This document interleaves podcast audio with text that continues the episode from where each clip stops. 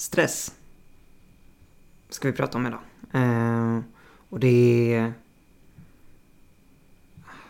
Jag sa det till, för någon vecka sedan till någon kompis att så här... Utbrändhet och psykisk ohälsa, vi har pratat om det så jävla mycket så väldigt länge. Och det känns så... Jag tror jag använde uttrycket den, eh, det samtalet är tröttare än debatten om vinster i, väl, vinster i välfärden. Samtidigt så det är klart att den är viktig, men bara att jag är lite trött på att den, den börjar bli onyanserad. Nu har jag lärt mig någonting om stress som jag faktiskt vill dela med mig av, som jag inte hade hört innan. Först och främst en definition av stress som jag tyckte var skitbra som jag läste i min psykologibok idag. Och det lyder Stress är ett samlat gensvar från olika delar i kroppen som svarar på situationer där vi upplever att situationen kräver mer resurser än vi har. Och det det betyder egentligen, alltså i, i det, det det faktiskt betyder är att har du för mycket att göra, upplever du att du har för mycket att göra, så känner du stress. Alltså att omvärlden kräver mer än vad du har att ge. Det kan till exempel handla om att jag på jobbet har två kunder som försöker prata samtidigt och min, min hjärna kan inte plocka upp två olika röster som pratar om olika saker samtidigt. Det går inte. Eh, och då känner jag stress. För att jag inte kan ge svar på båda två samtidigt. Och när vi, när vi pratar om stress, så han, eller när, när boken pratar om stress, så pratar den om coping mechanisms. Eller hanteringsmekanismer som jag fick fram på svenska, vilket låter, jag tyckte det lät eh, jättekonstigt. Mm. Hur som helst. Eh, och de eh, Boken, boken citerar, eller liksom tar fram tre stycken.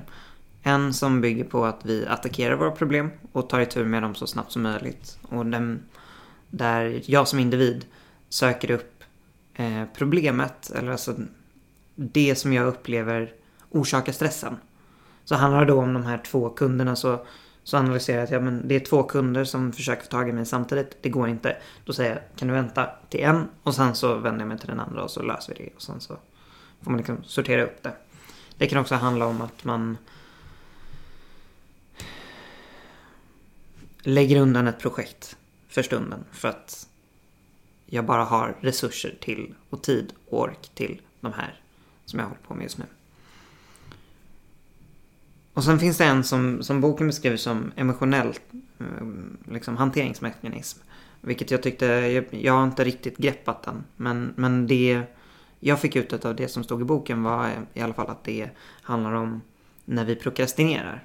Och när vi förtrycker någonting istället för att ta tag i det. Så det blir liksom någon slags, någon slags mot, motkraft till det här att attackera problemet.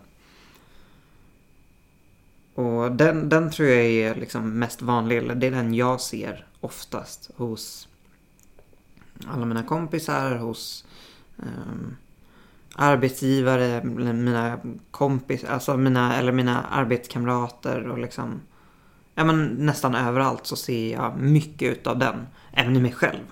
Eh, ska sägas. Och sen den tredje kallar jag ring en vän. Så den handlar om att man löser det socialt. Man frågar en kompis om hjälp eller man frågar om någon kan eh, läsa igenom ens tenta in, eller ens uppsats innan man skickar in den. Alltså de, den sortens grejer. För att man som individ inte vet att man inte klarar av det och då delegerar man eller lägger ut det på någon annan och får en... Dels kan få liksom bättre insikt, det kan vara någon som är bättre på någonting. Men du får också ett emotionellt stöd liksom, direkt. Eh. Och då när vi har de här tre så tycker jag det är intressant att titta på jag tror många skulle säga att de attackerar problem. För att det låter som, mest, som det mest rationella och det är det bästa sättet att, att förhålla sig till stress. Och jag säger nog att jag gör så mycket mer än vad jag faktiskt gör. Och den här prokrastinerande eller emotionella delen tror jag vi gör i större utsträckning än vad vi tänker på. Och det, det tror jag bygger mycket på att vi liksom... Jag, jag pratar mycket om uppmärksamhet just nu. Och det är också en resurs. i väldigt hög utsträckning. Och när du inte har tillräckligt med uppmärksamhet, då känner du stress. Och när det kommer till uppmärksamhet så handlar det om att jag vill vinna din uppmärksamhet. Det är till exempel därför, delvis därför jag gör den här vloggen. Att jag vill synas i ditt flöde och påverka dig. Det kan vara liksom en... Eh, nu säger jag inte att det är så för jag gör det här mycket för som en som dagbok. Men det skulle kunna vara så. Och... Ja men den uppmärksamheten är liksom, det är en resurs som skapar stress i dig. Och du... Alla, alla liksom intryck tävlar om din uppmärksamhet. Alltså en, en resurs som du bara har begränsat med. Liksom. Du har bara en begränsad mängd av den här resursen. Och då tävlar din utbildning, din, eh, ditt jobb. Liksom, alla de här grejerna tävlar mot Netflix, mot Facebook, mot Instagram som liksom riktar in sig på att ta så mycket av din uppmärksamhet som möjligt. Och det tycker jag är väldigt intressant. För att där tror jag mycket stress skapas. Och samtidigt så är det en hanteringsmekanism.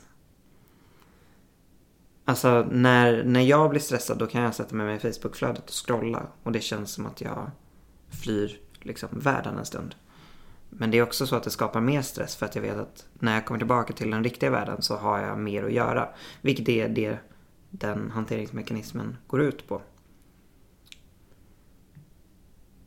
Och jag, jag har ingen egentligen poäng med det här mer än att faktiskt medvetandegöra. För jag hade inte tänkt på att det finns liksom olika. Jag har ju tänkt på prokrastinering och jag har tänkt på att just fucking do it. Det är två olika förhållningssätt. Men jag visste inte att det fanns psykologiska teorier som, som visade på att det eller det visste jag. Jag hade, inte bara, jag hade inte ord för dem, så det var därför jag ville förmedla dem. Men också den här definitionen att det handlar om dina resurser. Mycket. Det handlar inte om för, för mig handlar det inte om eh, liksom, omvärlden. Omvärlden kan vara hur stress, stressig och stressad som helst. Men jag ser jag att mina resurser och fördelar dem på ett effektivt sätt. Då slipper jag stress. Så enkelt är det liksom. Och det, det är nog mycket, jag känner väldigt mycket min, eller jag upplever att jag känner mycket mindre stress än många av mina, eh, många av mina vänner framförallt.